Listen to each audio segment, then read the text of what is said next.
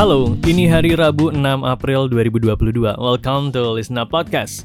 Hari ini kita mau bahas soal Heri Wirawan yang divonis hukuman mati, kuburan massal yang ditemukan di Ukraina, dan update PPKM. Let's go! Perjalanan kasusnya Heri Wirawan, si pelaku pemerkosaan 21 santriwati di Bandung, bakalan menemukan ujungnya nih gengs. Karena kemarin banget, Hakim di Pengadilan Tinggi Bandung akhirnya memutuskan untuk mengabulkan permohonan jaksa penuntut umum untuk menjatuhkan hukuman mati kepada si Doi.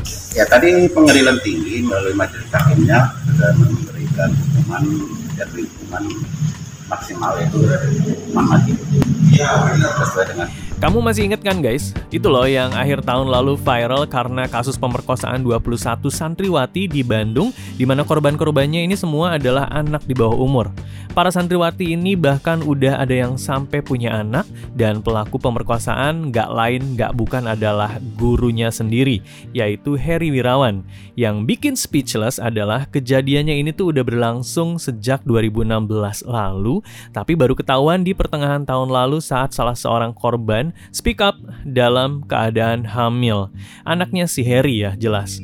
Nah, dari situ akhirnya Harry dilaporin ke polisi dan proses hukum berjalan ever since.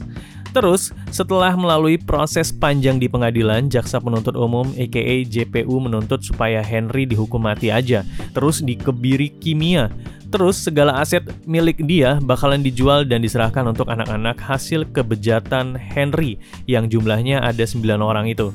Tapi dalam pengadilan tingkat pertama di Pengadilan Negeri Bandung, majelis hakim nggak mengabulkan gugatan itu. Akhirnya Februari kemarin, Harry dijatuhkan vonis hukuman penjara seumur hidup aja. Vonis majelis hakim ini bikin JPU yang juga ketua Kajati Jawa Barat Asep Mulyana ke-trigger untuk mengajukan banding yang akhirnya dilayangkan oleh Kejaksaan ke Pengadilan Tinggi Bandung. Menurut Pak Asep, si Harry emang deserve dapat hukuman mati karena yang dilakukan Harry ini udah termasuk the most serious crime.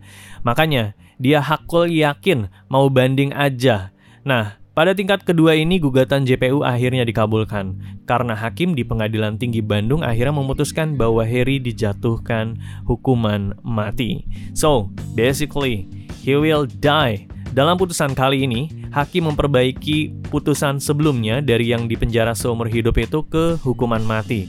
Dari keterangan hakim, Harry Wirawan ini sebagai orang yang kerjanya di dunia pendidikan, punya pesantren, harusnya bisa jadi sosok yang baik untuk melindungi dan membimbing anak-anak, sehingga anak-anak itu bisa tumbuh dan berkembang.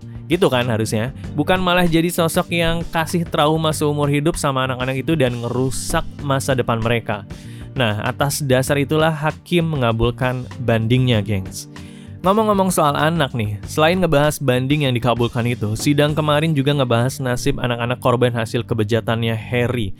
Berdasarkan putusan hakim, 9 anak itu bakalan diserahkan biar dirawat langsung oleh pemerintah Provinsi Jawa Barat lewat UPT Perlindungan Perempuan dan Anak setelah dapat approval dari keluarganya dan bakal dilakukan evaluasi secara berkala. Setelah kondisi fisik dan mental korban plus anak korban udah ready, baru deh perawatannya dikembalikan lagi ke ibunya. Keputusan kemudian disambut positif oleh para korban lewat kuasa hukumnya Yudi Kurnia. Juga mengapresiasi dan setelah saya komunikasi dengan keluarga korban menyampaikan berita tersebut, mereka juga mengucapkan alhamdulillah ya karena sudah memenuhi rasa keadilan. Karena yang diminta oleh uh, keluarga korban itu tidak di luar ketentuan undang-undang, ini sesuai dengan aturan undang-undang. Dan ini kejahatan yang serius maka harus dihukum juga dengan hukuman yang serius juga gitu. Hmm. dan tidak ada lagi hukuman yang lebih berat di negeri kita ini yaitu hukuman mati dan itu udah tersedia di undang-undangnya udah ada. Selain dari pihak keluarga Komisioner Komisi Perlindungan Anak Indonesia KA KPAI Jasra Putra bilangnya putusan hakim yang menghukum mati si Harry ini adalah keputusan bersejarah. Bayangin aja pelaku kekerasan seksual dijatuhi hukuman maksimal ini bisa jadi efek jerah sekaligus jadi edukasi untuk masyarakat supaya jangan main-main kalau soal kekerasan seksual ini. In his words, Pak Jastra Said Tentunya keberpihakan majelis hakim untuk seluruh korban sangat perlu diapresiasi karena umumnya korban kekerasan seksual akan dihantui rasa trauma dan penderitaan sepanjang hidupnya. Ini yang perlu diantisipasi negara. Terus, orang nomor satu di Jawa Barat, Ridwan Kamil juga mengapresiasi putusan majelis hakim ini. Menurut Kang Emil, dengan level kejahatan yang udah dilakukan oleh Harry dengan jumlah korban yang banyak banget itu, putusan hakim udah memenuhi rasa keadilan masyarakat. Kang Emil juga berharap kasusnya Harry ini bisa jadi pembelajaran untuk sejarah bangsa, supaya nggak ada lagi nih yang kayak gini-gini ya. Oke, berita kedua adalah penemuan yang menyedihkan banget di Ukraina yaitu penemuan kuburan massal. But here, the dead also lay in the open. Ukrainian National Police showed us this mass grave in Bucha, saying they believed up to 150 civilians might be buried here, but no one knows the exact number. People killed while the Russian army occupied this town. This is what it looks like when the hope is crushed. Iya nih guys, Kondisi di Ukraina setelah invasi Rusia berlangsung di sana selama lebih dari satu bulan itu jadi semakin menyedihkan ya. Yap, just like war textbook yang biasa kita baca, perang menyebabkan banyak banget korban meninggal, rumah dan infrastruktur hancur, sampai influx of refuge yang bikin krisis di negara tetangganya. Nah, saat ini, invasi Rusia membuka lembaran kelam baru di mana baru saja ditemukan kuburan massal di Ukraina yang bikin komunitas internasional marah banget. Iya, jadi over the weekend kemarin telah viral video penemuan kuburan massal yang berisi puluhan mayat warga Ukraina yang tewas karena diduga dibantai oleh tentara Rusia. Kuburan massal ini ditemukan di kota Bucha, Ukraina, yang emang sebelumnya diduduki tentara Rusia selama lima minggu. Sebelum akhirnya tentara Rusia cabut dari sana just over the weekend kemarin.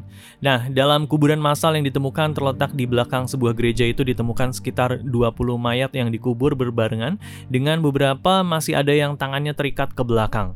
Menurut keterangan dari polisi setempat diprediksi ada 200 bahkan 300 mayat lainnya yang dikubur di lokasi yang sama. Dan ini adalah bukti kebiadaban Rusia. Selain ratusan nyawa yang melayang, hampir semua bangunan di Bucha juga hancur lebur, terutama bangunan bertingkat. Lalu, dari berbagai video yang beredar, nampak juga jalanan di Bucha yang ada mayat bergelimpangannya guys. Scene kayak gini nih nggak cuma terjadi di Bucha, tapi juga ada kota-kota lain yang sempat dikuasai oleh Rusia seperti Irpin, Maila, Hastomel, hingga Bordianka. But we have to gather the information. We have to continue to provide Ukraine with the weapons they need to continue the fight, and we have to gather all the detail so this can be an actual have a war crime trial. This guy is brutal. Nah, hal ini tentunya bikin banyak pihak mengecam Rusia dan bahkan negara-negara barat udah meminta International Court of Justice untuk menginvestigasi soal kemungkinan adanya kejahatan perang di Bucha. Presiden Amerika Serikat Joe Biden bilang bahwa Presiden Rusia Vladimir Putin adalah penjahat perang dan Uni Eropa, pemimpin European Council Charles Michael juga menyebut bahwa pihaknya lagi membantu Ukraina untuk mengumpulkan bukti-bukti kejahatan perang Rusia untuk nanti digugat ke pengadilan internasional. Selain itu, Presiden Ukraina Volodymyr Zelensky juga menyebut bahwa apa yang dilakukan Rusia ini adalah kejahatan perang. Karena clear banget, para korban meninggal ini adalah warga sipil. Beliau juga menyebut bahwa apa yang dilakukan Rusia adalah tindakan genosida dan serangannya harus segera diakhiri karena ini adalah aksi yang sangat-sangat biadab.